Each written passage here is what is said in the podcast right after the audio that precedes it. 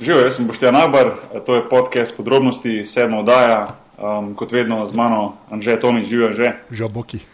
Um, najprej, prvo kot prvo, vedno zahvala poslušalcem. Uh, prvi ste seveda za poslušanje oddaje. Um, poslušalci in poslušalke so um, ogromni, oziroma poglavitni del te naše oddaje. Sej, uh, za vas ustvarjamo to oddajo, tako da res še enkrat hvala um, za vse ocene na iTunesih, komentarje, predloge ki jih skušamo čim bolj upoštevati, uh, tvite in tako naprej. Um, Anže, kot vedno, zelo delovno, pravkar zaključil en podcast, svoj aparat, zdaj že uh, pripravljen na noga, Anže, si ga zmatran. Ma, sam pa nisem to, ker z veseljem delaš, pa nisi to gotov. ja, se tudi, uh, tudi mene uh, sprašuje, kako se ti ljubi to, imaš trening, imaš tekme, pa to sem rekel, to je moj hobi, jaz to uživam v tem, zakaj ne bi uh, ne vem, šel z veseljem z nasmehom delati nekaj, kar me, kar me konec koncev en tak hobi. In, uh, uh, ja, zdaj je že poteklo kar nekaj časa, odkar smo snemali zadnji podcast uh, za pižamo, ki je bil vse po mojem en tak zelo. Uh, zanimiv. Um, za tiste, ki ne veste, mogoče se splača downloadati prejšnjo šesto oddajo, ko smo v bistvu s pižamo in žetom se da govorili samo o weird zadevah, tako mi temu rečemo. Kaj že, kako je se že imenovalo? Weird božični special. Ja, nekaj tazga smo na koncu. ja, tako da. Na eni um, točki smo o naci podvornicah pa rokset govorili, tako da zdaj pa. Ja, pa se najbolj misli. Ja, misli svoje, ja. ja, pravo božično razpoloženje. Uh, ampak že, mogoče uh, na začetku že um, za tiste, ki so prvič z nami, um, drugače, kje se nas najde, kako se nas lahko posluša, um, kako se lahko to donira, da, da predvsem ta tvoja podcast mreža še naprej raste. Uh, ja, uh, vsi podcasti so na spletni strani aparatus.si, dva pojasta v imenu, ne? tako so tudi podrobnosti, pa je pa tam še pa podcast aparatus, kjer jaz intervjujem ljudi, pa podcast glave, ki ga delava s pižamo in se pogovarjamo o filmih, serijah in vsem ostalem. Potem je kleše pivotiranje, ker tri fanti govorijo o basketu vsak teden, uh, potem je pa zdaj še iglu impro podcast, kjer pa tudi eni drugi tri fanti govorijo o improvizaciji, gledališki. Ne? Tako da, ja, tako je pa Bog rekel, uh, pač uh, aparatus in s tem tudi tele podrobnosti se da podpreti tudi finančno prek PayPala. Tako da, če greste na aparatus.si/slash podpri, uh, lahko tam pomagate, ker vse v znar, ki ga tam dobimo, ga pa vložimo v produkcijo, v opremo in v vse ostalo. Tako da to, uh, naročite se pa lahko na podrobnosti uh, preko RSS-a, oziroma smo tudi v iTunesih. In če ste naročeni v iTunesih, bo kakršna koli cena tam ful dobrodošla, ker nas tako še kdo najde, pa vsak teden jih je več, če si iskren. Tako da ful hvala vsem, uh, ki dajete ocene. Predvsem pa, tako kot vedno, hvala unim, ki na Twitterju boki otežite naj neha z Blackberry. Ker tudi, Ej, uh. tudi zdaj vmes je bilo par ljudi, hvala vam.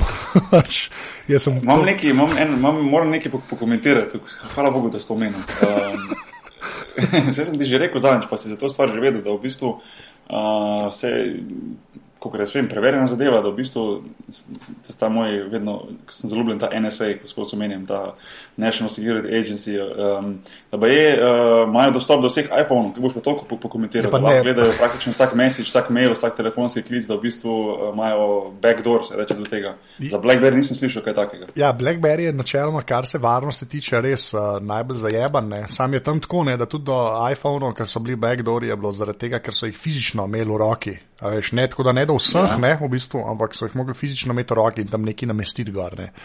Tako da, ampak vse, nehi Blackberry uporabljati. In še ne, enkrat. Ne, zdaj, zdaj, zdaj sem še bolj pripričan, da je Blackberry prava izbira. Zdaj čakam, če bo še kak novim prišel. ja, ne bo, po mojem, veš. Okay. Ja, to, to, to so malo bolj, iluzije, ampak ok. Um, ja, še dve stvari bi rad rekel, predem, da štartamo ta podcast. Uh, Breza, uh, Primož Brezec, Primož Brezec, naš uh, poslušalec, number one, ki izvesto posluša tak podcast. Čim prej se pozdravi, Breza je iztaknil eno poškodbo uh, lista, ki se mu malo ponavlja v zadnjem času in je spet žal um, izven pogona, ne igra tekem, je, je v bistvu na rehabilitaciji, tako da breza. Um, če se ne slišimo prej, prek kakega telefona ali pa, ali pa uh, messengerja, pozdravi se. Druga je pa Mateo Žluzer, uh, naš gost, mislim, da je bil tretja ali četrta epizode, ki je postaknil ošpice. Ja, kar je noro. ja, pa ne gre za sedemletnega otroka, ne, ne. Ja. ja. Tako da upam, da se tudi on čim prej pozdravi. Pa, kar pa še najbolj upam, je pa, da to ni nek trend, da se vsak je gost, da pol neki faši. Tako da. Uh, Lej, ne bom več nič rekel, da ne bom kaj jinx napravil, ampak zgleda ostalim pa zaenkrat, ki vse super laufa. Um, Nač, uh, Anžej, še kaj takega, admina, tako ti rečeš? Uh, ne, mi, mislim, mislim, da je to to. Mislim, da je to to. Nač, pa, pa ne bom nič zavlačeval. Uh, gremo naprej. Uh, danes po seveda, kar nekaj tednih, ko sem v bistvu dobil tvite, uh, da si uh, poslušalci in poslušalke zelo želijo gostjo za spremembo, um, sem to, kar se odločil in povabil v podrobnosti v našo oddajo. Um, Sanja Modrič, uh, Sanja živi. Pozdravljena, prestrašila ste me. ja, sej, uh, Najprej sem res počaščena, da, da sem prva gostja tukaj. Kot drugo, tole džinksanja, jutri pol ne grem sploh ven iz stanovanja. ja. Tretja ja. zadeva, to govorite, da sploh ne vem, ali bom kos. Ja. dej, no, dej, če imaš pa, če ima pa kdo izkušen uh, z mikrofonom v roki, pospa ti daleč. To je izkušnja s spraševanjem, veš, to je razlika. Verjamem, se zato je tudi meni zanimivo, da, da, da, si, da si tu kot gostja. Um, no, jaz vam tremo. Ja, no, jaz je nimam, oziroma nimam več. Prvi, prvi, na prvem podkastu so se mi pa roke ti trese, da moram povedati. Ampak, um, no, za vse tisti, ki ne veste, Sanja Modrič, eh, novinarka oziroma športna novinarka na RTV Slovenija, uh, ena, rekel, prvi obraz Eurobasketa na naši nacionalni televiziji. Um, kamorkoli si pogledal, oziroma uh, kar se tiče televizije, si bila v bistvu ti, ti res tista, ki si vodila so zadevo. Uh, jaz sem se marsikdaj mar, mar, mogoče malo na čudo, ker uh, si bila res vsak dan od začetka do konca ti, ti glavna in te bom tudi kasneje vprašal, uh, mogoče odkje je od ta, ta energija za, za Eurobasket in, in vse to, ampak o tem malo kasneje. Um, pa mogoče za začetek, Sanja, um, zakaj, zakaj novinarstvo oziroma kako si ti prišel do tega, da si, da si postala novinarka oziroma da si pristala na nek način v športu, športnem novinarstvu? A veš, v bistvu sem bila najprej dolgo let prepričana, da bom pediatrinja. Zagotovo. Pač tisto šport sem gledala.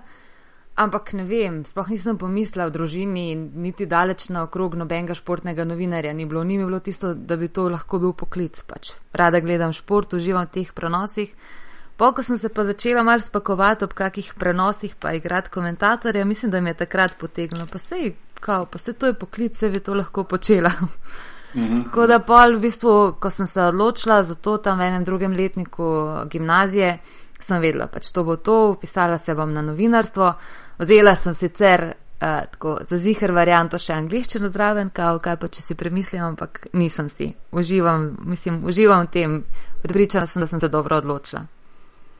Ja, se to je najbolj pomembno, se mi zdi, da, da tisto, kar počneš, da, da človek uživa. Ma se jih pridejo dnevi, zagotovo tudi pri tebi, da se ti ne da na trening, pa niti približno, tudi meni se ne da ravno vedno v službo, ampak tisto, ko, ko na koncu koncu še vedno z veseljem to počneš, mislim, da, da je to nekaj res, na čemer si lahko hvaležen.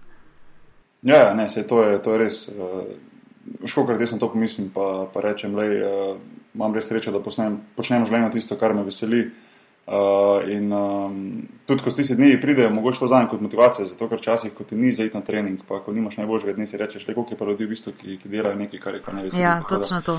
Um, ja, tudi iz tega vrn lahko človek vrže, črpa, črpa motivacijo, energijo. Uh, Um, se pravi, to ni bila neka tvoja otroška želja, to je nekje tam v srednji, srednji šoli potem prišlo. In, uh, in kako si v bistvu potem prišel do tega, da si od te želje to speljala do konca, da si na koncu pa, pa pristala recimo z mikrofonom v roki na, na, Ma, na, na sem, športnih dogodkov v Sloveniji? Ko se, ko se za nekaj odločim, pol je to to, pol ni glih tisto, da si bom zdaj čez dva dni premislila, pa bom hotla nekaj drugega. Se pravi, bilo samo zdaj najti način, kako to bo, ker eno je upisati se na študij novinarstva, to pač lahko naredi vsak. Ampak druga pa potem, kako res pride do tega. Mislim, ok, malo je v Sloveniji tudi to težava, da ni glih zdaj definirano, da če ti študiraš novinarstvo, da to zagotavlja, da boš delal kot novinar. Se mislim, da ni za meni. pa druga, druga stvar tudi to, da, da ne vem. Veliko se zgodi, da glih vsak, ki ima pet minut časa, da se odloči, da bo novinar in da to tudi lahko dela. Jaz ne rečem, da ti ta faks da ne vem kaj. Ampak dati mogoče ene osnove.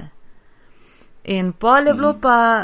Začelo se je pol radio v Mariboru, snemanje anket, to je, to je pa daleč naj, najhujša izkušnja in najbolj nehvaležno delo, kadarkoli. To je bilo vsak dan, valjda kot najmlajši tam poletna praksa in te zadeve, stara 17 let, pošljajo te uh, snemati ankete po mariborskih ulicah, po kom se kakšna ulica imenuje. In potem mi tako, ko, vidi, ko vidijo ljudje mikrofon, to bežijo stran, mislim, da skoraj jih moraš loviti. In potem ga vprašaš, po kom se imenuje Cankarjeva ulica, recimo, in ti gospod odgovori, joj, ne bi vedel, nisem iz Maribora. Sam je ta razlika v bistvu um, med, med uh, neko, neko kulturo ljudi, recimo, ko vidijo kamero pa mikrofon. Jaz recimo svoje izkušnje v Ameriki, se mi zdi, da se je folk kar lepo, recimo, kadarkoli je bila kakšna kamera, pa, pa a veš, da je folk čim, čim bolj odprt, da je. Uh, hoče biti na televiziji, da je rad pred mikrofonom, vse verjamem, da so tudi pri nas te ljudje, ampak se mi zdi, da. Ma jaz pa mislim, da pri nas glih, da je ravno obratno, da ko zagledajo ja. kamero, bež, ja, krize v ta prvo ja, luknjo, ja, ja. kar se lahko, sam kamere ne. Pa se, a ja, ni ena, ja. ena Ena, to ne vem, kako je resnično. Mislim, da je resnična štorija, ki je to še v Jugoslaviji, ki je bila neka reklama. Um, tako ne vem, zdaj na pamet rekel, 70-ih, vse vsem, ki je en slovenc not igral in je bila pač nek catchphrase imel, nekaj je rekel pač. Ne. In je posega ljudje, to, so ga prepoznali, ker so ga točno tri reklame, ne, veš, potem vejo.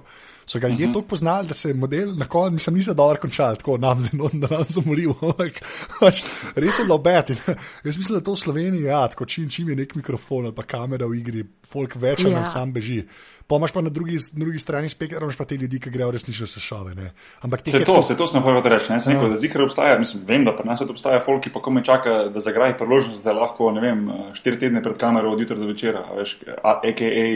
Uh, resničnosti šok, ki tudi pri nas ne manjka. Za meni je jasno, zakaj gre tu. A tu gre za željo po zaslužku ali za gre za željo po slavi. To, to še, še vedno ni. To je čisti five minutes of fame, pa Aj. five minutes of fame varianta. Nekaj, nekega zaslužka pa nas ni, ne. Sej, mislim, sploh ne skozi to. Tudi, real, ne vem, po mojem, realno gledano, nekaj resničnosti šov v Sloveniji tudi ne more biti odskočna deska za nekaj, ker je market na splošno tako mali. Tako da, eh, pa tudi preveč je vsega.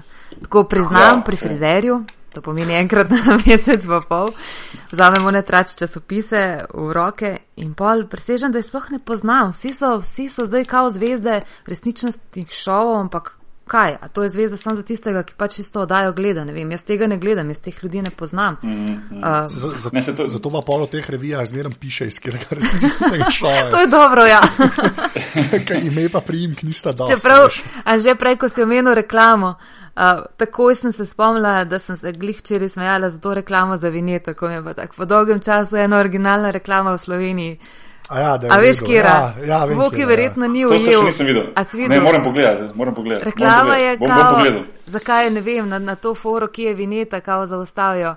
Joj, kao, uh, ne vem, uh, verjetno je pes pojedel, pa pol ena reče, uh, otroci zbirajo nalepke, veste, pa so vzeli in pol na koncu tak korpulenten gospod ma mrtvi kot mi dela.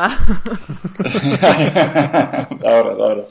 Ne, moram to pogledati, aj ki na netu to. Bom probo najdel, bom dal link. Ne, ne boš dal zraven za link. Viš kaj zamuješ, ko nisi v um, Sloveniji?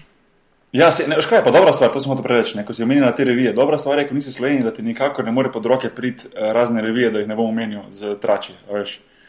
To je pa dobra stvar. Jaz, ko pridem po desetih mesecih v Slovenijo, tako si rekla, ne, ko se v bistvu ne veš niti, kdo, ta, kdo so te naše stradniki, pa kdo so naše zvezde. Jaz res, ko odprem uh, Julija, ko pridem domov, recimo revijo, meni ni jasno. Ker enkrat so si neke zvezde, Uni je bil na tej premjeri, ta je to naredil, ta je isto prelistam pet minut in rečem, kam gre ta svet, meni je prav smešno to. Se mi zdi, da za enega takega, ko ni vsak dan v Sloveniji, pa ko ne doživlja tega sproti, da so to res taki šokovi, ko vsako poletje zvem, da je kar nekdo nov aktualen, pa kar neki je neki naredil, pa eni neka zvezda, pa to je meni flusetek smešno. Ja, ampak a veš preko uh, stori, ko kao željni slave, željni pojavljanja, ne vem kaj. Pač zdaj ta Eurobasket ok, bilo je nekega več recimo zanimanja za mene, kot, kot je sicer pa to so me mhm. klicali iz nekega pačenega od teh časopisov, kao, ne vem, izbrana osebnost tedna in oni, ne, a lahko naredimo intervju s tabo, z vami, bilo je pač s tabo, ampak poslana vprašanja. Pač jaz mislim, da, da sem v osnovi prijazna oseba, kar pomeni, da sem prijazno odgovorila, da se res zahvaljujem za zanimanje in vse to, ampak ne želim odgovarjati na osebna vprašanja. To je moja odločitev, pač tisto za tem stojim in mislim, da sem lepo odgovorila. Na kar sem pol slišala, pač čisto, ha, arogant. Ja, valjda, ja. ja, tudi jaz sem že imel te primere, pač zamero z, z, z, z, z strani ljudi, ki pač so v teh rumenih, rumenih, eh, pač rumene, kaj reče, že rumene strani ali karkoli že. Ne, to so, to so telefonske številke. To so telefonske številke. No, ja. pardon, narobe sem rekel. Rumeni cajtangi. Tako, žuta štampa. uh, tako, uh, hotel sem reči, uh, um, da se hodi pač pri domov, slikati družino, slikati, slikati dom. Veš, in ko jaz pač vedno rečem, pač, da ne, a ne, čisto ljudno, pol vedno občutiš nazaj tisto zamero, tisto nekaj kao, kaj pa ti nekaj več da, ali rečeš ne na tak način. In to način, to mi ni všeč pri ljudeh, ki se na tak način pol nazaj uh, odzovejo. Oziroma, uh, imajo neko zamero zaradi tega. Ne vem, jaz nimam tak, tak problem spoštovati uh, privatnost nekoga. Mislim, za me, mislim, itak veš, tudi tvoja, tvoja služba je taka, da v resnici ni služba, da je način življenja. In isto je z novinarstvom, ni to zdaj, da ko stopim z RTV-ja ven, da je moje službe konec. Valjda, da živiš s tem, ampak ni treba, da moja družina živi s tem. To je pač moja služba in to je to. Jaz ne vidim v tem nič slabega. Normalno. Je pa, je pa um, treba biti kar. Uh, psihično močen. Um, zdaj, lahko tudi ti, recimo, za novinarstvo poveš, ki zna biti verjetno zelo stresen momente, da znaš delo odklopiti, ko priješ domov. Veš, eh, jaz sem to dolgo časa rabo, pa še zdaj se mi včasih dogaja, ampak sem že veliko boljši v tem. Sem že boljši v tem, uh, ampak včasih sem bil pa katastrofa. Nisem znal slabo tekmo, pa kaj takega odklopiti in, in prenesel domov med ljudi doma, med prijatelji, ki so to občutili. Um, Uh, sem postajam boljši v tem, no. ampak se mi zdi, da to je kar ena taka vrlina, ki rabiš malo časa, da, da jo osvojiš. No, ampak to, ko si prej um, rekel za družino, pač pokazati, predstaviti pa to. Tisto se je už spomnil, no, ko smo imeli lani to oddajo košarko čutim, ko smo pač gostovali mhm. -huh. pri vas. Tisto je bil pa mhm. -huh. res ful dober odziv pri ljudeh, ker po moje ne vem, to je, to je pač nekaj takega, kar res ni vsak dan, da zdaj lahko spoznajo, kakšni ste košarkari v zasebnem življenju. Ja, sej, takrat, uh, lej, tudi uh, vam, bom rekel, RTV, oziroma ljudem, ki so prišli gor, ne vem, če to posebej zaupam, tudi Miho Mišič, če poznam dobro. In, um, to je bilo res prvič, da smo v bistvu to naredili, pa ne, da, zdaj, da ne bo zvenilo, da danes skozi te zahteve, da novinari preveč visijo, ampak je bilo res prvič, pa verjetno zadnjič, da smo nekako rekli, ok, ni problem, spustimo kamero v noter, v hišo, v držino. Druga smo pač taki, da pač imam rad svojo zasebnost in tako sem prej rekel, uh, zelo rad vidim, kadar ljudi to spoštujejo. No. Jaz sem pa potem recimo snemala Gorana. Gorana Dragiča in uh mhm. -huh. njegova punca, zdaj žena, je rekla, uh mhm. -huh. da se ne želi kazati. Mi smo v bistvu prišli k njemu, on nam je odprl svoje uh mhm. -huh. stanovanje, vse to, ona je rekla, da se ne želi kazati. Mogoče bi jaz takrat lahko forsirala in poskušala prepričevati karkoli, ampak ravno zaradi tega, ker vem, kako bi se jaz počutila v tej situaciji, pač tisto ja, popolnoma spoštujem tvojo odločitev, sploh te ne mislim prepričevati.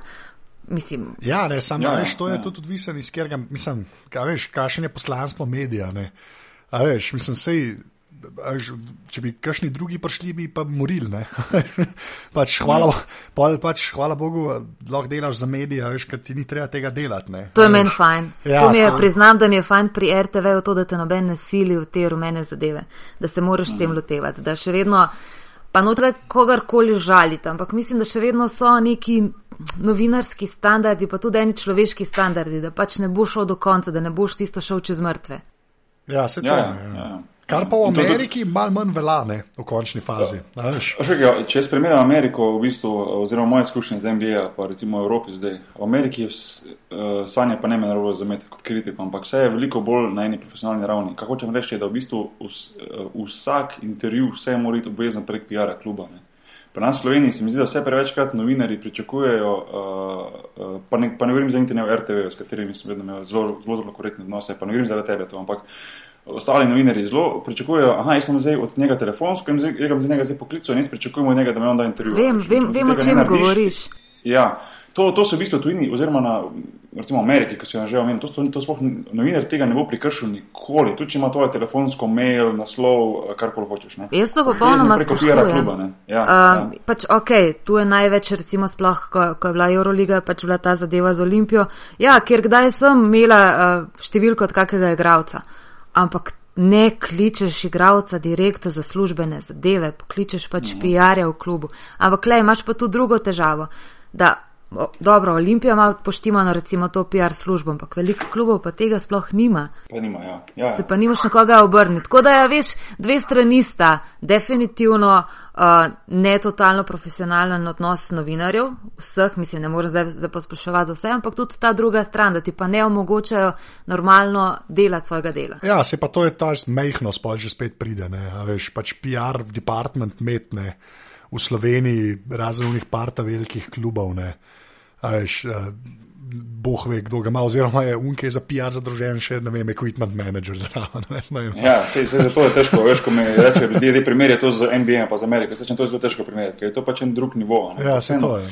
Na koncu gre vseeno za neko spoštovanje oziroma obnašanje človeka do človeka. No, ja. tisto, ampak, tisto je prevečkrat se prekrši. Ampak gre tu za spoštovanje novinarskega poklica tam. Dobro, jaz, ja, ja, jaz sem videla sam dve tekmi uh, NBA, ampak uh mhm. -huh. tam je novinar car. Mislim, kot prvo se mi zdi, da so tam vsi, vsaj to, kar sem jaz imela, pač te izkušnje v Phoenixu, so gospodje v nekih normalnih letih, niso 15, 16, 17, 18 letni mulci. In se ne vem, oni se obnašajo profesionalno, ampak jih tudi na ta način klub obravnava in je poskrbljeno za njih v vsakem pogledu. Ne, je res. In, in novinar dobi tisto pač, uh, vem, akreditacijo in on pred tekom, po tekom ima vstop v garderobo in, in ti kot igralec si nekak način obvezan, da pač temu novinarju daš tisto, kar on želi, ne tiste odgovore, da, da v bistvu on to dobi. In, in imaš prav, zvanje, je to spoštovanje, je, je čist na enem nivoju, ampak se mi zdi, da to so take stvari, ki ne bi smele biti pretežke za, za narediti tudi pri nas. A veš, da se da vsem novinarjem možen dostop do igralcev, pred treningom, po treningom, pred tekom, po tekmi in tako naprej.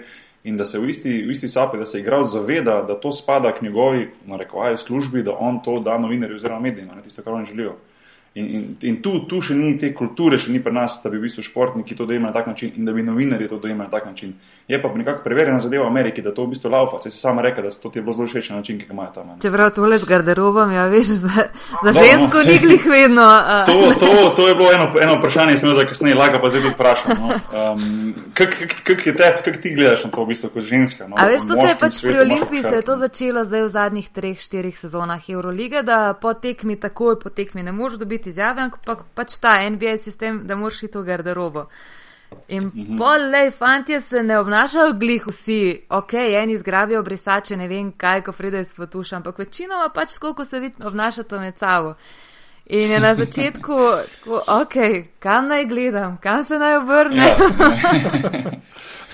je, je, je, prav, je prav očitno, ko je v bistvu, tudi mi imamo, recimo zdaj v Španiji, imamo pa po vsaki tekmi to, domači tekmi, pač odprta vrata za novinarje, 15 minut, eh, preden, eh, mislim, pač prednji so v bistvu spogri po tu, še karkoli pride novinarje noter, čeprav ti da greš, ampak nekak je politika kluba, da moš počakati, dokler ne grejo vsi novinarji ven iz garderobe, ampak je v bistvu zanimivo videti, ja, ko pride kakšna taka, govorim za ženske novinarke, ker za moški nimajo problema, ampak vidiš, da pride kakšna taka, ki je že bolj izkušena, rutinirana, pride noter, naredi svoje intervjuje, ni problema.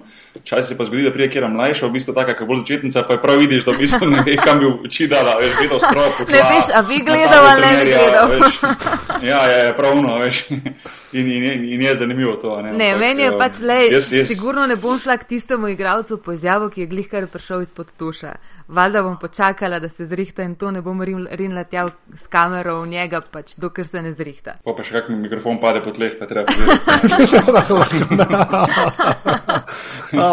Viš, to so te šale, ki so zmeren tam. Ja, ok, da bomo stali. Ja, ja, to so te. Jaz trdno držim mikrofon, meni ne pada. Dobro, ok, pustimo, da to dosti. Um, Sanje, to mi pove, um, zakaj ravno, zakaj lih košarka, zakaj nisi na koncu, zakaj ne delaš nogometa, zakaj ne delaš uh, kajak in kanu? A veš, vsi, vsi mislijo načeloma, da je to pač kao zaradi tega, ker je moj mož košarkar.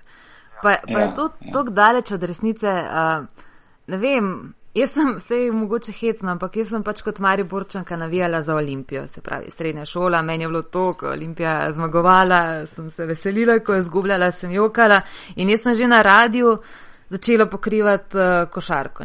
Meni priznam, da. da v igranju pač tisto, kar so nas forsirali, tako smo ženske za telovadbo v osnovni šoli, bilo tisto, to nam je bilo največje zlo, mislim, ne teč, ne tega, ne unega, mhm. dajte nam odbojkarsko žogo in to je to, ne me s tem dvokorakom matrati. Ne moram reči, da sem uživala v igri za igrati, ampak za gledati je meni to noro.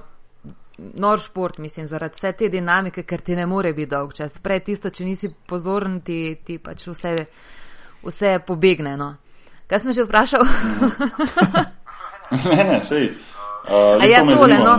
A veš, in pol. Ja.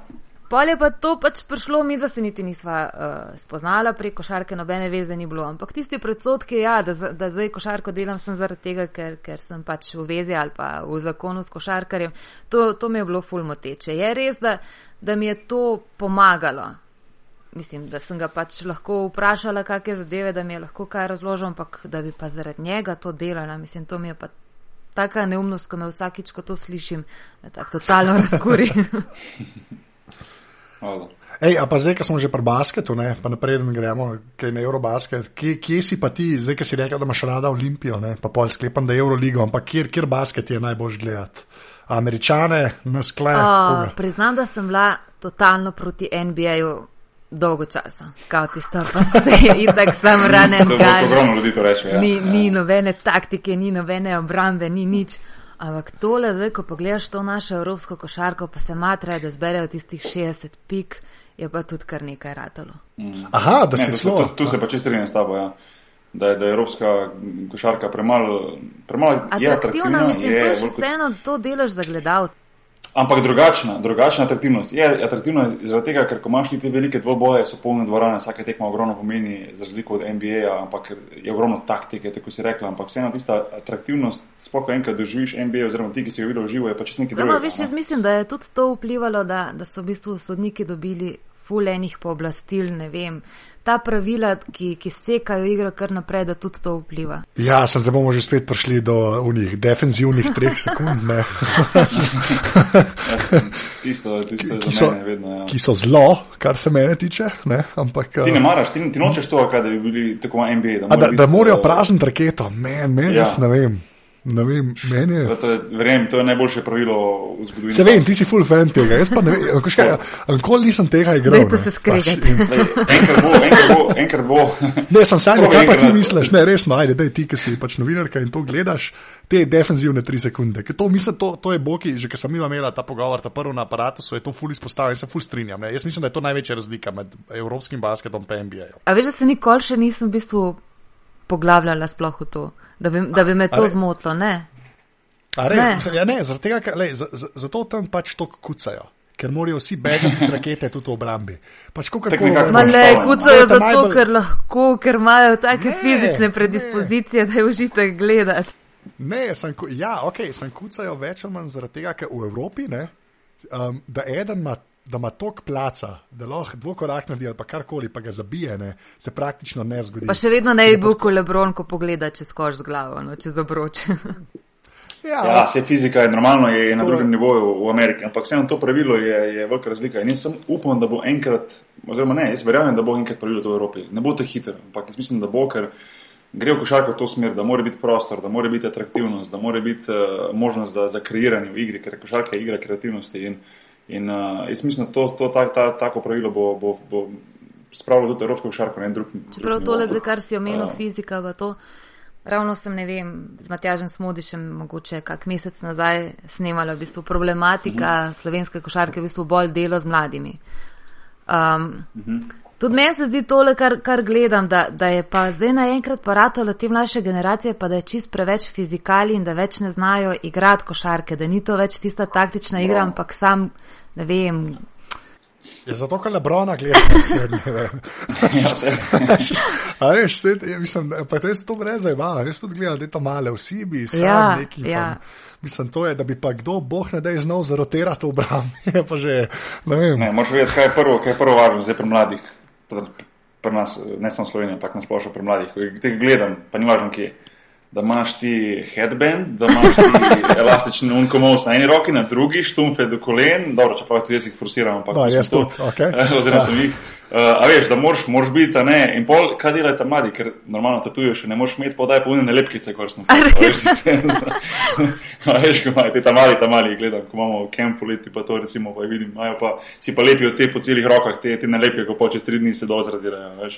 Ampak uh, je to problem, ja, da čim bolj izgledati, čim bolj biti kul, cool, čim bolj, veš, ampak tiste prvine košarke, tisto pa ful manjka, ne. In, um, Ej, Sanja? Ja, redki, redki so trenerji, ki se mi zdi, da še danes to forsirajo, oziroma znajo to forsirati eh, pri mladih, da jim to tako približajo, da jim, to, da jim je to zanimivo, bolj kot pa recimo imeti na glavi eh, trak, pa rokavice, uno, pa sem tja, pa biti kul. Samo veš, tudi tega nekega, ne- nekega spoštovanja do starejših se mi zdi, da ni več. Pa ne zdaj ne govorim sploh samo o košarki, ampak nasploh ni več tistega, da če si ti tam najmlajši v ekipi, da boš pa zdaj ti, ne vem, se veselil tistih par minut, ko jih boš dobil, pa da boš gledal na starejše igralce kot nekoga, od katerega se lahko kaj nau- naučiš. Ampak je tisto, daj meni žogo, daj meni minutažo, jaz bom vse sam. Ja, ja. Ja, tega je dosti, ja. To je. Ampak, To je, se mi zdi, da je malo to tudi eh, krivo, to, ker je drugačna zdaj, recimo pot, ko še kaša. Včasih, um, ne vem, pa davč od tega, da nekdo razume, razume, da sem pa zdaj super vse vem, pa da sem vse prav naredil, pa moja karjera je super. Davč od tega, ampak jaz lahko iz svojih izkušenj govorim. da sem jaz mogel videti recimo iz najmanjših klubov, iz zadnjega igralca kot mladi igralec, uh, uh, se učiti starejših, boga starejših na terenu. A veš, in, in se zaveda, da je to edina pot iti počasi, od Maribora do Olimpije, pa sem šel sicer eno to Laško, Euroligo, pa počasi Italija, pa naprej, pa naprej, pa naprej. Uh, zdaj pa v bistvu igralci vidijo, da se če sem talentiran, pa če jaz dam mogoče že 20 pik na, na eni dobri tekmi, lahko pa že kar naprej, a veš, že kar preskočiti ja. uh, vrsto. Ker je to hitra pot od tega, da si talent pri 16-17 letih, da si pa že kar v enem klubu. Ogromno igralcev je naredil ta preskok in vsak misli, da lahko naredi kar so v bistvu lahko nekaj čim posreči, le redki. Ne? In, in mnogi zaradi tega potem zgubijo tista najbolj važna leta, ko treba ful delati, ful napredovati in na koncu obstanejo tam, kjer so. Tako jaz vidim te, te, te zadeve. Ampak um, ne vem, kaj, kaj, kaj pa kaj Matjaš rekel, Sanja, glede tega, um, glede Slovenije. Mislim. Da je precej razočaran. Pač mm -hmm. predvsem to, kako se dela z mladimi. Ne vem, jaz sem pač glih prispevek delala o tem, uh, pa potem še pač Pero Vilfan pa to. Uh, res je na ta način, vsi tudi trenerji, ok, jaz ne morem zdaj neki pospeševati, nimam toliko izkušenj, ampak prehitro tisto, tudi trenerji hočejo priti do članskih kategorij, ko je, ne vem, po eni strani mogoče lažje delati, ker imaš pač že izdelane um, igravce, pa tudi denar je večji. Noben se noče preveč zadrževati, pa tisto, da bi se pa res posvetil zdaj delu z mladim, da mu, da mu ne bi bila to ena umestna faza. Ne vem, moje, moje mnenje. No. Ne, ne, se jaz, jaz, jaz s tem čist strinjam. Mislim, da je tudi pač realnost taka, da če imaš ti tam kadete, pa, pa, pa mladince, pa to ne je jedva težko živeti. Se to je problem, zdaj... to je problem, da to delo ni urednoteno, mislim, da je to en hobi. Ja, imam. Se gli to znamo reči, imamo v klubu par svojih igralcev, nekaj imajo mlajše kategorije, pač in, pa še z mano igrajo, pač zdaj tretjo ligo, ki smo tako. Ne? Ampak uh, ja, to, to je tako, težek kruh je. Ne?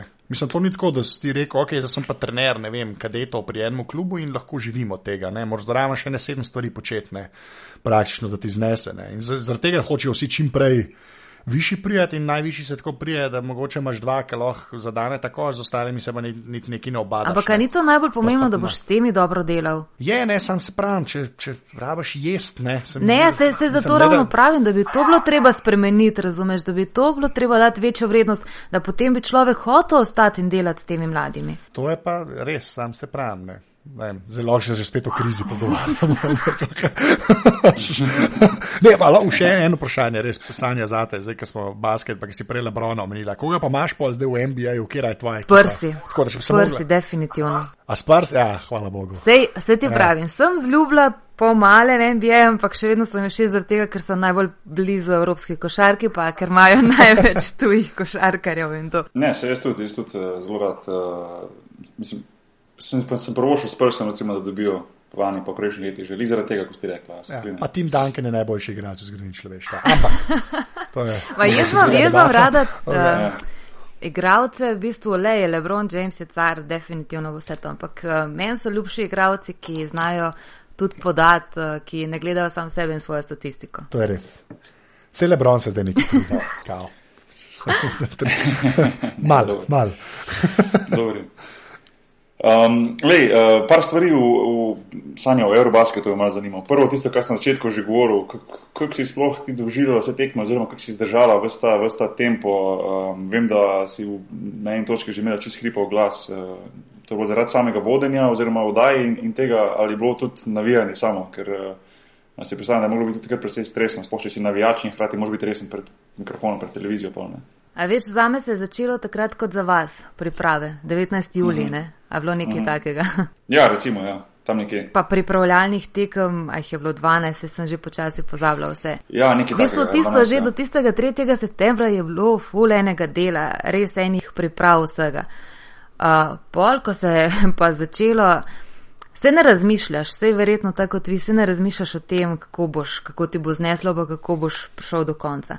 Meni je, meni je bil to en tak adrenalin, eno tako vznemirjenje. Ne vem, jaz sem bila ful ponosna, da sem lahko del tega. Za me je pač to bil zgodovinski dogodek in še vedno ustrajam pri tem. In sem bila res ponosna, da, da imam vsaj en košček v tem zraven.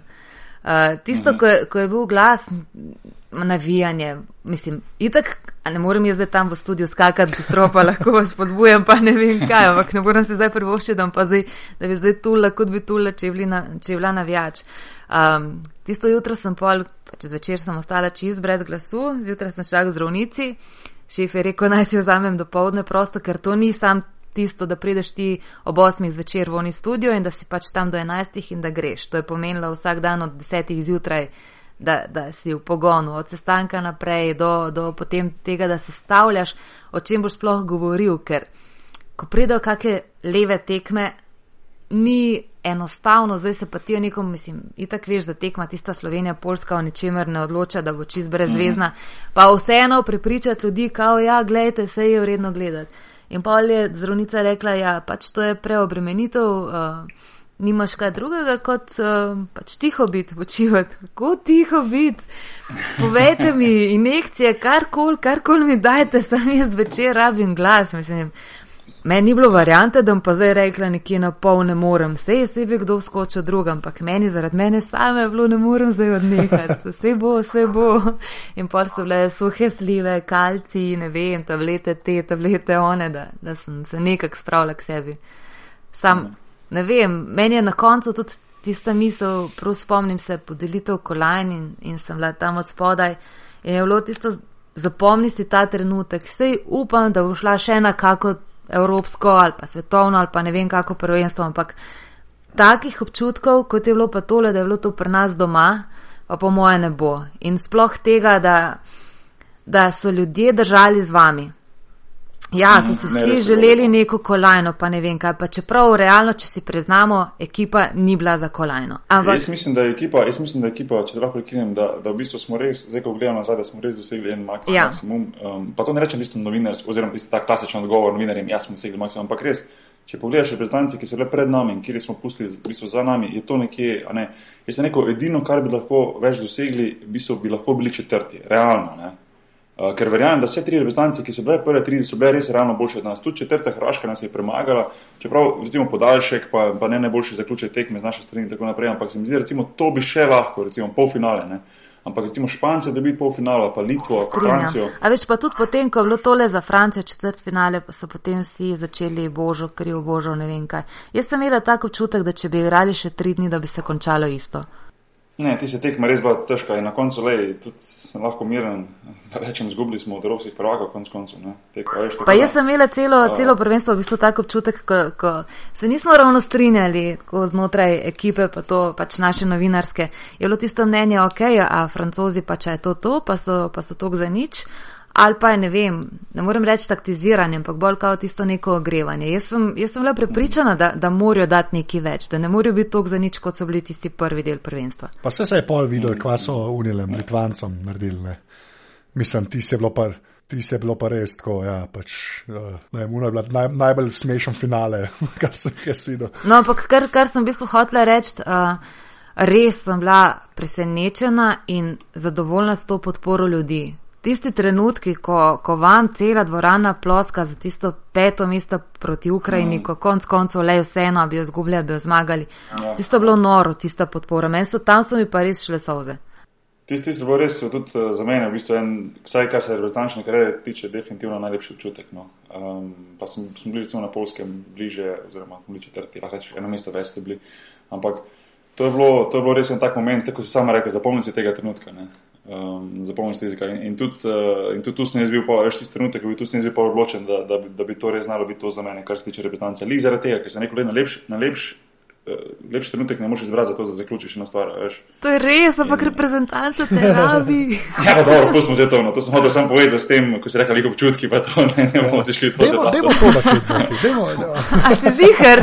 ne, ne, ne.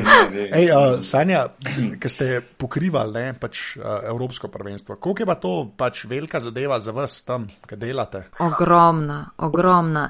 Tudi mi tole, kar smo se odločili, uh, pač studio že od štirih naprej oziroma petih naprej delati. Mogoče se zdi enostavno zapolniti 40 minut programa, pa če ti hočeš, da bo to 40 minut, ki se ne bodo vlekle, ki bodo pritegnile, to pomeni, ne vem, vsaj zdaj na pamet govorim, ampak vsaj ene osem prispevkov, ta vsak prispevek, to ni, ne vem, meni včasih može reče, pač ko kot tisto, le moram službo narediti prispevek in me potem ni ene 6-7 ur, ko ja, kaj pa delaš tok časa. Ni to sam tisto napisati in sistem rešen. To to je res velik dela.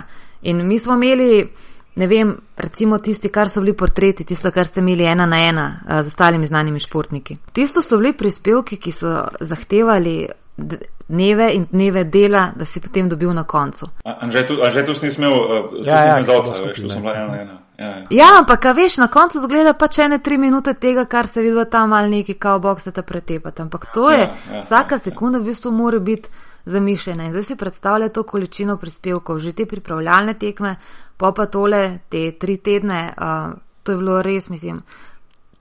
Zdaj se bo zdelo kot ena totalna kao floskula, tisto cela redakcija je pač dihala za to. Sploh ni. To je bilo res toliko ljudi upletenih in toliko enega dela in truda. Uh, tudi to ne vem, če se bo, kar se tiče za nas, taka veličina tega projekta, če se bo to ponovilo. Ej, a, ko, koliko stvari je šlo pa na robe? Tako. ja, Ja, dejemo, ne, to nekaj moraš povedati. kaj- je to, Ne, Zdaj ti jaz moram reči, da nič, šlo- nič ni šlo narobe. ne, ampak, se, ne, ampak ne, jaz to resno Ne, vprašam, čisto zaradi tega, ker je to tako na, velik. na projekt. koncu je tudi tisto moja naloga, te, na, da na ekranu, da tega ni zavideti, kar gre na robe. Da, jaz, jaz imam pač vse čas uh, v šestih slušalke, povezavo z režijo, vodoran je totalen šundar, vsega vedno ne slišiš, poleg tega moraš poslušati sogovornika, nekje približno si štopati minutažo, da boš lahko napovedal prispevek, ne smeš se preveč oddaljiti v pogovoru od teme, da nekako lahko prideš do tega prispevka.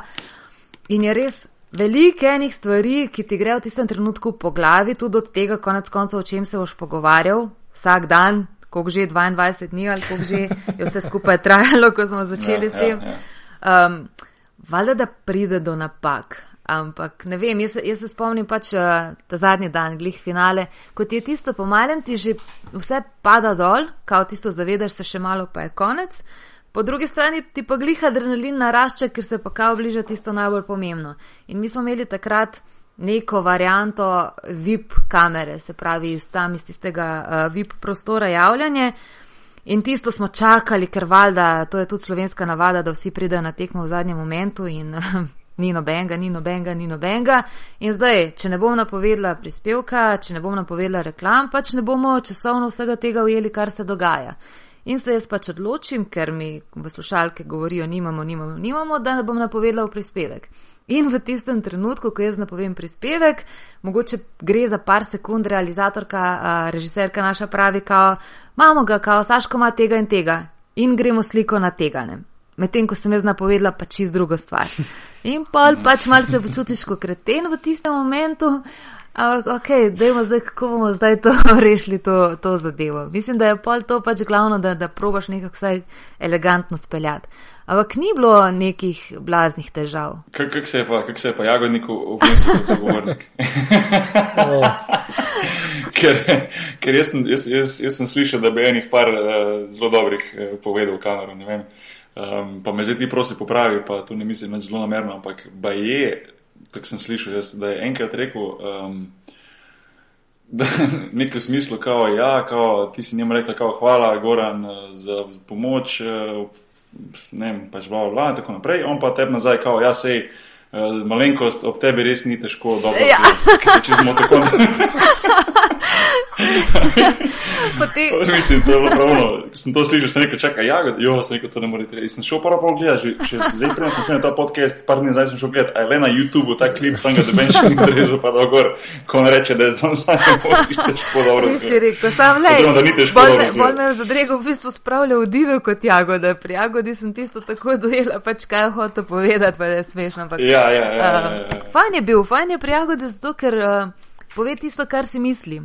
Ne trudi se biti Mhm. zdaj preveč diplomatski, je tudi znal biti kritičen. Meni je tudi to v redu, a veš, valjda niste na vsaki tekmi igrali izjemno.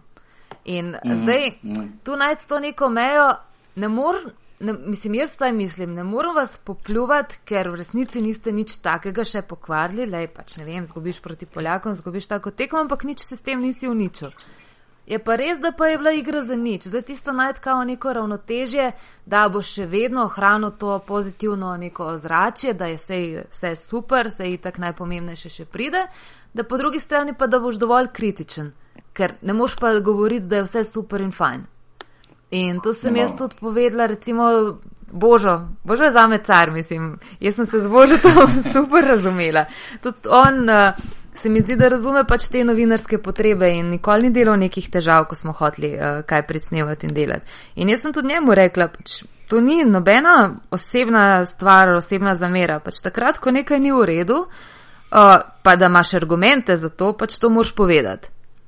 Ampak gre v vsaki stvari samo to, da imaš argumente, da pa ne boš kar zdaj neki nabijal, sam zato, ker hočeš biti negativen, ker tega je pa itak čist preveč pri nas, da, da že po defaultu hočeš biti negativen. Ne vem, ker se zdi, da boš s tem provokativen ali ne vem kaj.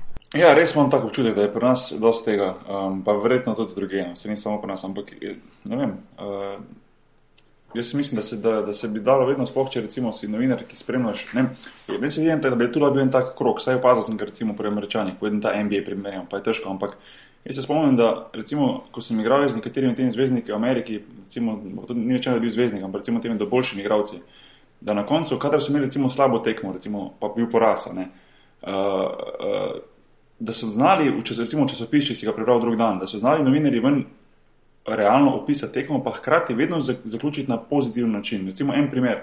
Uh, mislim, da, da, da smo izgubili eno tekmo, da je bil recimo Tracy McGrady, s katerim sem igral v, v Houstonu, da ima zelo slabo tekmo, šut, na pamet govorim, 1-15, katastrofa.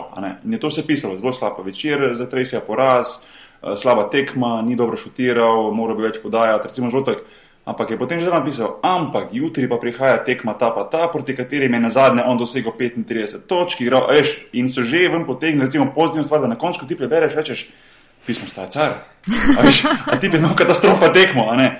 In hočem povedati, da mogoče malo tega manjka pri nas, da bi se malo bolj na pozitivo vlekli. Pa verjamem, da so, niso vsi slabi ljudje, pa noče vsi negativno, ampak uh, je, je, je neverjetno, koliko lahko je ena taka pozitivna stvar, pozitivna atmosfera uh, recimo, in kako lahko novinari močno vplivajo na to, da se v bistvu navijači potem bolj pozitivno spremljajo klub, igravce in tako naprej. In to je bilo to, ta Eurobasket je bil pozitivna atmosfera.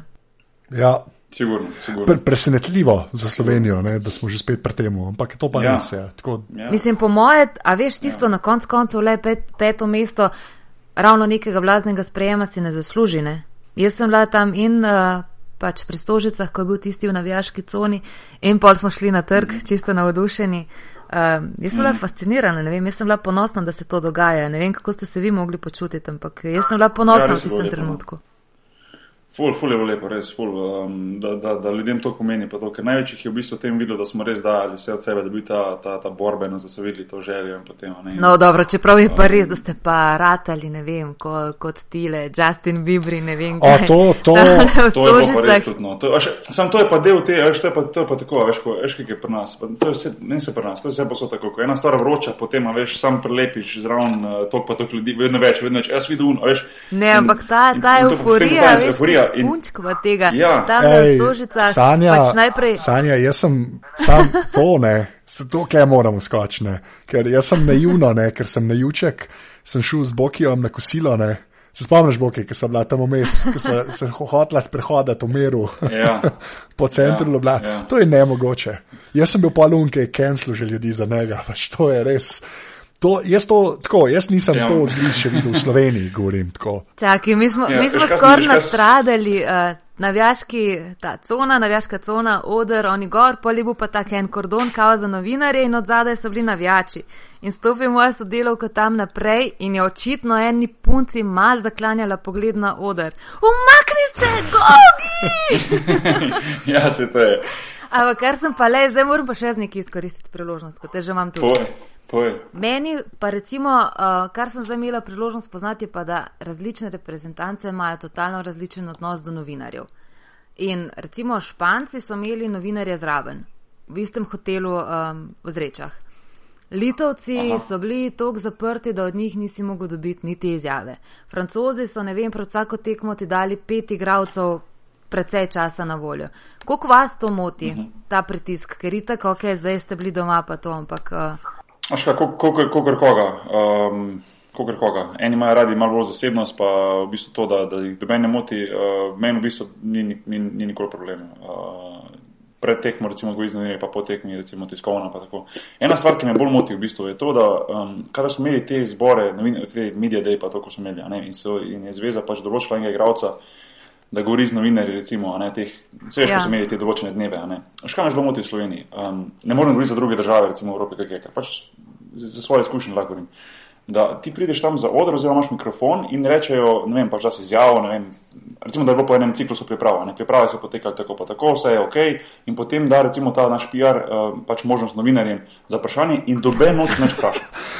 A veš, po, poslušaj to, poko je pa konc tega uradnega dela, bi pa vsakrat imel tisto svojo individualno izjavo, v kateri bo ist, itak isto vprašanje in boš dal isti odgovor 15 krat in gre zraven dve uri. A veš, tu pa jaz pa popizdim, ne. To je res, to delamo tudi mi, ampak mi imamo vsaj recimo ta argument pač Ja. kamere.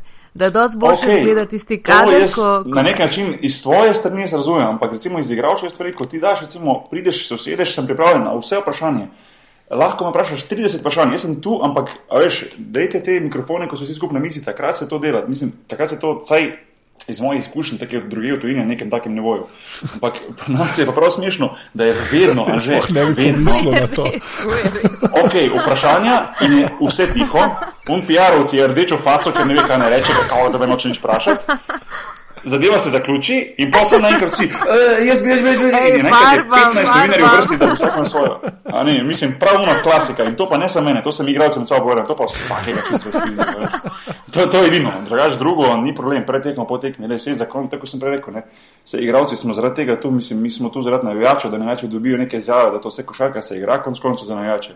Jaz, jaz, jaz ne vem, uh, mislim, top level košarka se igra zato, da ljudje gledajo, da uživajo, to je igra. Ne? To ni zato, da bo se zdaj za, pred prazno dvorano igral, vse to, to ni, to ni film. Priznam, da znamo biti grozni. Predvsem tisto, dobro, ne morem se zdaj to čisto postaviti v vlogo, recimo, časopisnega novinarja, ker mi televizijski načeloma so to kratki prispevki, ne rabiš ne vem koliko. Ampak ne verjamem, da pa rabiš tistih 30 vprašanj postaviti. A je to neko tekmovanje, pol, da si ne vem, boljši novinar, več, ko boš vprašanj Ja. postavil ali ne vem. Ja, se to je. Ja, ne vem. En, en, eno, po eno, pa eno, sem prem, da pozabim eno smešno anegdoto, vam še preko si rekel, da je bilo to, a, sanja, da bili, da je bila ta bibermanija pri nas za sekundo. Ne? Mi smo imeli v bistvu po zadnji tekmi, ko smo imeli že to proslavo na kongresnem, oziroma proslavo, pač ta sprejem. Smo šli potem v eno od restauracij tam skupaj z reprezentanco, z KZS-jem si na večerjo in okolno okol, mi smo zunaj na odprtem jedli neke pice, pa to zelo na hitro, ker smo hoteli zima še ven požurati, sem ti zadnji dan, vidimo se eno leto ali pa ne vem koliko. In smo v bistvu tam imeli tako grajeno, bilo je nekaj varnostnikov, tako da ljudje so slikali, a veš, uno sem tja. In polk je bilo konc tega, zdaj kako pa tu priti nazaj do hotela, a ne, a veš. In je bilo fora, se jaz spomnim, da sem nisem rekel, fantje, jaz za vas ne vem, ampak jaz lahko, sem jaz tam, a že to mogo videti. No, če bi kdo snemal, jaz ob enih 12 po noči na, na kongresu 5000 ljudi, so poln šprint od centra Ljubljane pa gor do našega A hotela. pa so vas tisto, so vas zaustavljali uh, veliko. Ja, folk je hotel ej, jaz pa samo uno polno, sam predstavljaj si mene poln šprint, veš, rekel, malo za zabancijo mora biti kot A veš, ker drugače ni po mojem tega v Sloveniji preveč, ko ni te euforije, da zdaj, ko se sprehajaš, Seveda, da zdaj ne. nekdo nadlegoval. Ne, Ne, sploh ne, se to je takoj šlo dol, ne, se to ni, Ja, da bi to že to trajalo. ne. To je bilo, to je bilo takrat tisti moment, ne, se to ne je bilo vsem jasno, se to ni, da bi zdaj mi pričakovali, da zdaj. Ja, zdaj Vem, da star sem, ti si je bilo weird, tako sem videla hodila po centru. Ti si, jaz Ja, pa še ja. idiot, uno Boston Celtics polovarju, Da so, da so vsi to. na 100 metrov videli, da neki da visok. ti pa v Belmu slovenska reprezentanca, ti si je bilo res. ja pa se je tako, je težko zgrešiti. Ja, dobro, to. to je, to je res. Oh, wow. Valjda. A veš, jaz sem že ta v bistvu do zdaj nisem nikoli videla v živo. Ne? A Ja, val, ja zanci me. Ja, je zdaj, ko smo se dogovarjali, kao, ok, koga bom spoznala, a visok je v redu. Ja. Te sem rekel, da je težko faliti, ker sem ti mikrofon prinesel. tako da. Valjda. A, Um, A ja, ja ne, vse, kva pa še imamo, a še kaj tazga, da je. Jaz sem hotel sam za konec, zdaj za konec to vprašati, v bistvu, eh, kot ena taka izkušnja za naprej. Um, Sanja, kako ti je bil ta aerobasket, zdaj kot črto potegneš pa to na konec? Pozitivno, negativno, z tvoje strani, ne zdaj kot to euforija, pa to plus, ampak recimo, eh, je to bila ena taka velika šola za tebe naprej, bilo to več, kot si pričakovala iz tega bolj um, profesionalnega vidika tvojega, kot delo pa to, a ne. Vem, da je bilo naporno pa vse to, ampak kako gledaš na koncu, ne to, ko potegneš črto? De, mislim, de, definitivno pozitivno. Meni je bilo v tistem trenutku, ko se je končalo, mi je bilo prav hudo. Kao tisto, ok, dve leti smo zdaj čakali na to, dve leti smo se pripravljali, zdaj konec, kaj bom zdaj počela. In pač naslednja moja obveznost je vodenje dnevno informativnih oddaj. In priznam, da prvič, ko sem po Eurobasketu šla, pač tisti hermetično izolirani studio, da mi je kar manjkala ena akcija, kar je nadrelin, a zdaj pa naj tu neki berem, pa vse tiho, mislim. Tako, vem, da, da je pač vam neprimerno to več in, en, energije dajalo, ampak tudi meni so te polne dvorane, pa ti navijači, tudi to me je polno. Mislim, moja prva taka izkušnja s tem vodenjem, pa dobro, tisto pač popolno začetniško bilo svetovno v Turčiji, kjer to delala iz televizijskega studia, nisem bila na prizorišču. To se ne more primerjati. Mm. Ti niti približno ne dobiš te energije in mislim, da posledično pol tudi ne moreš dati. Uh, ampak tole, kar je bilo doma in na tak način, da se, je, da se je končalo vse kljub temu kao za ljudi, mogoče ne uspehu, ker ni kolajne, ampak se je vse končalo na pozitiven način.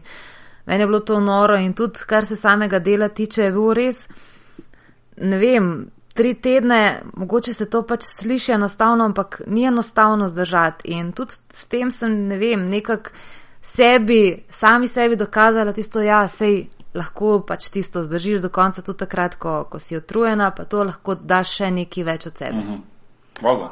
In ne vem, vesela sem, vesela sem, da tudi teh reakcij. Pa itak vem, pa mogoče se je na začetku teže nositi s tem, kot poznaj, ko že imaš nekaj izkušnje, vsem ne moreš biti všeč. Ampak je bilo res neverjetno veliko enih To je pozitivnih slišati. reakcij. Sploh pri nas. Ne. To je pač. Le, me je to zmeraj, vse kle isto pri teh podkih, mislim, da to ni na istem nivoju, da ne bo kdo. Ampak ja, mene tudi to me zmeraj znova preseneča, da imamo neko generacijo ljudi, se mi zdi, ki je en korak naprej se je pa naredil v Sloveniji, kar se tega tiče, kar se feedbacka tiče. No. Tako, to si skoraj upam reči. ne. Tudi meni se zdi. Ker ponavadi nekako smo se s tem tolažili, kao tisto, če te, če te Ja. ja. pljuvajo, pol je ok, kao, ker itak ljudje Ja, ja, omenjajo ampak samo, kako je slabega. Pozitivnega feedbacka, ne. to me je ful dobro slišati, da si imela to izkušnjo. No. To je. No, pa recimo ena taka, taka stvar, ki je mogoče eh, potem še čez par let se je pokazala, da, da se upam, koliko slišim, no, da se je zelo veliko mladih ljudi, zdaj res otrok vrglo, mislim, vrglo, slabo se da grdo sliši, ampak da so se dali v košarko, ne, da je to bila ena taka stvar, ki jim je dala v bistvu uh, motivacijo za to, da so šli v bistvu v košarko in da upam, da bo recimo nekdo čez 10 let, 15 let rekel, da v bistvu je bil ta Eurobasket tisti, ki ga je pretegnil kot mlade košarkaša in je zato zdaj on postal uspešen košarkaš. Tudi to bo nekaj taka stvar, ki se bo mogoče se čez nekaj časa pokazala. Ne. Jaz se tu lahko sam rečem, se strinjam s tabo, da res upam, da bo, ker me kar mal skrbi zdaj, ko, ko se bo šti poslovil, pa še kdo, um, da bo nastopila kakšna kriza. Ja, um, pa pustimo to za kaj drugič. Če smo že pozitivno govorili, še Treba pozitivno zaključiti pozitivno. Ja. torej, kdaj se vračaš v reprezentanco? Ja, smo rekli pozitivnih stvari. Uh, kva, kva še? A gremo na, da je Rodmana, Boki, kako, kako se bomo. Ja. Ne, veš kaj, hotel sem reči to, zdaj s košarko. Ko smo jih rekli, kako recimo košarka je bila pri nas pozitivna, pa to ne vem, če ste videli na internetu, da je Rodman zdaj že, mislim, da tretji, četrtič bil v, oziroma je v Severni, Severni Koreji. Koreja, ja. ne? In sem rekel, da, da bi bilo zelo lepo videti, če bi uspela košarka ne, eh, povezati, oziroma vsaj malo podreti meje eh, te Severne Koreje, ki vemo, da je zelo izolirana zaradi takih in drugačnih ljudi, oziroma vodi- voditelja, voditeljev in tako naprej.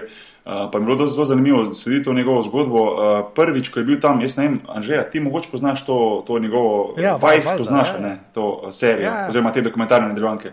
Uh, Sanja, ti mogoče ne poznaš tega, Vice, uh, se reče VICE, ameriška, um, se pravi, taka dokumentarna oddaja. Uh, mislim, da je tudi na YouTubu, Anžej, Ja, boš pogledal, pa boš ja. dal link. Mislim, da je ta del, ko gre v bistvu Rodman prvič v Severno Korejo, sabo vzame tri uh, igralce Harlem Glob- Globetrottersov, se pravi te uh, zelo zanimivi košarkaši, ki naredijo košarko še tako bolj zabavno. Uh, In v bistvu njihovo doživetje, uh, tu srečanje z, z njihovim voditeljem, in tako naprej, igranje pred uh, polno dvorano teh Ja. zanimivih ljudi in njihovega obnašanja, se splača pogledati. No in Rodman se je zdaj vrnil, mislim, da že tretjič, celo četrtič nazaj, če sem prav prebral, za svojo ekipo veteranov, NBA veteranov in skuša tam prirediti uh, neko dobrodelno tekmo in, in hkrati nekaj namen ima, da bi rad podrl te meje med uh, Zahodom in, in Severno Korejo. Hočem reči to, ne, da, da upam, čeprav težko verjamem, ampak upam, da se to zgodi, da, da lahko rečemo, da je šport oziroma košarka povezala recimo dva naroda, pa recimo uh, vzhod z Zahodom. Kar mogoče ne bi bilo prvič, ampak vseeno je lepo videti, da, da šport uh, na mesto ostalih stvari, uh, politike in tako naprej, da, da združuje. Um, tako da, ne vem, kot taka zanimivost, me zanima, kaj bo z tega ven se, se zgodilo. No. Jaz bi predvsem rekla, da sem, eh, ne vem, tako hvaležna za vse vas, košarkarje, ki, ki podirate te neke stereotipe, da, da pač gre za ene neumne športnike, ki se ukvarjate še z drugimi stvarmi, kot je sam košarka in na ta način kažete, da. Mislim, košarka je za me konc konca inteligentna igra, ampak tisto, da kažete, da, da nista to to. Ja. Če si mislil, da s tem tudi ta podcast, pol hvala. No. Ja, lej, majhen korak za človeštvo, Ja, za tako, kako je tako, bilo. tako, tako. Um, ne, Anže, kot vir zadevo sem te hotel pa nekaj drugega reči. Bi se vrnil čisto na začetek, če lahko sam na hiter, telefoni pa to. A si videl, da bi naj Motorola začela izdelovati uh, tatuje, ki bi se lahko tako prelepo navrati in potem v bistvu ne rabiš uh, telefona imeti pri, pri ušesu in pri ustih in v bistvu uh, ta tatu naj bi bil tak elektronski tatu, ki bi ga imel na vratu nalepljenega, uprogramiranega in bi samo to bil telefon. Ne, to tvoj. Si nisem opazil že? Ja. Motorola wants, uh, Motorola wants you to tattoo a smartphone microphone onto your throat. Je naslov. Bom ti poslal link. tako da- Najdeš ti to. Ti, ko Ja, si tak to, telefonski ja, frik. Uh, uh, tako da ja, Motorola, ki mislim, da je Google. Da lastnik, jo, ja. Glih- glih Zdaj sem en njihov telefon testiral ja. čez vikend. da- A, lepo. Ja, ja. Se pravi, ni bil zraven kakor škatlic, kak mini, mini nalepkica tatu, ki Ne. bi ti pol uh, ostalo do konca life, ga na, na, na vratu. Jaz sem samo une, da se delam, da sem Lebron. Ja. Jaz sem sam, samo une nalepke. Mene, mene ste pa tu sploh našla, jaz imam raje zgodovino kot Uh, evo, to pa za drugi šport, če bomo še kdaj to zgodovino, smo pa že, škoka smo že predelali po dolgem Ja, ja, času, ampak bomo še, to sem pa jaz tudi zgodovino. Ja, ampak jaz, jaz zelo rada ta zgodovino, ta O, 15. okej, 18. lepo. Aha, stoletje. tam, okay. Ja, Da da vemo, vemo, kaj da, vemo, to da imamo fene tudi z, z, To tega. pižama To, to, poslušal, to. bo neki najdu naslednjič, ko bomo imeli uvert za delo. Ja, pižama je naš strokovnjak za weird zadeve, tudi zgodovina. Ja. Um, Nač, uh, Anžej, jaz mislim, da smo res več kot dost uh, pregovorili. Um, Sanja, jaz bi se ti res najlepše zahvalil, res da si vzela čas uh, za ta naš pogovor. Le, jaz moram priznati, kot sem vam rekla na začetku, ful imam tremo, kaj bom govorila tok časa, ampak eh, tole bo hitro Ja, minilo. Ja, hiter gre. Uh, upam, upam, upam, da tudi tisti, ki so poslušali, jaz imam fulano te podcaste. Predvsem zato, veš, um, ena stvar je recimo govoriti, pa, pa delati podcast, pa biti pol, um, pa da ljudje slišijo tisto, kar imaš povedati. Ampak druga stvar je, pa to sem že v prvem podcastu rekel, da se ogromno z tega ven naučiš. tudi ko se pogovarjaš s temi zanimivimi ljudmi, pa zdaj smo imeli. Uh, od Primoža Bresa do Koširja, do, do Mateoža Žaluzerja, režiserja, do Pižama je bil Dejan Zavec, zdaj si ti, ti Sanja. Ful zanimivi ljudje, ful zanimivo, ful dosti zanimivih stvari slišiš, ki se jih naučiš in, uh, in rej, res, res hvala, ful, ful je bilo dobro. No. Hvala vam, Um, užitek mi je bilo.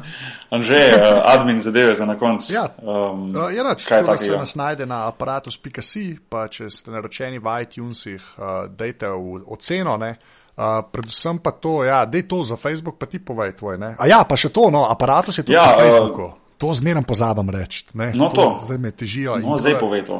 Dej še enkrat povej od začetka. Ja, če je je v, na Facebooku pišete aparatus.si, lahko tam lajkate. Tam objavljamo tudi, ker so nove epizode vseh podcastov od zunaj. Uh, grejo ven. Ja. Da, ja. Ne, to smo reči glede Facebooka, da bo, bomo zdaj tudi Anžen, bo zdaj po majsnih katastrofah. s tem. Mi. Zadeva mi se ti veš, da imam to čisto reštevano. Twitter mi je, Twitter mi je glavni, drugo sem pa jaz katastrofa in boš mi malo pošteval ta Facebook, da bo laže tudi. Uh, da, se bo, da bo folk bolj obveščen, da bo lažje obvestili folk o teh, po tem podcastu in teh stvareh tudi prek Tako, Facebook ja. strani in tako naprej. Tako da delamo v tej smeri. Um, neč, komentirajte še naprej, ocenjujte podcaste, uh, predlagajte um, goste. Um, Sanja, lej, tudi če- lej, ljudje so predlagali in, in, in si danes, danes tudi, tako da um, bomo skušali delati v tej smeri, da bo, da bo podcast čim bolj zanimiv, da bo, da bo na podcastu gosti tisti, ki si jih vi najbolj želite. Uh, Težte bo, ki jo naj neha uporabljati Blackberry.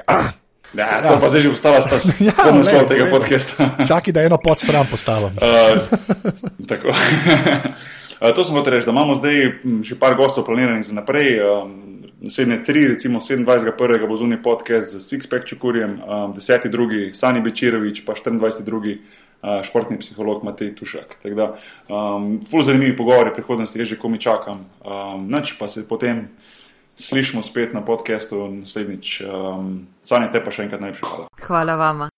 Uh, Sanja, zdaj pa ti reč prva adijo, pa pa mi dva adijo. Tako da reč. Evo. A prednost kot ženska. Adijo. Ja, Čau. kao. Ajde, žive, čau, čau.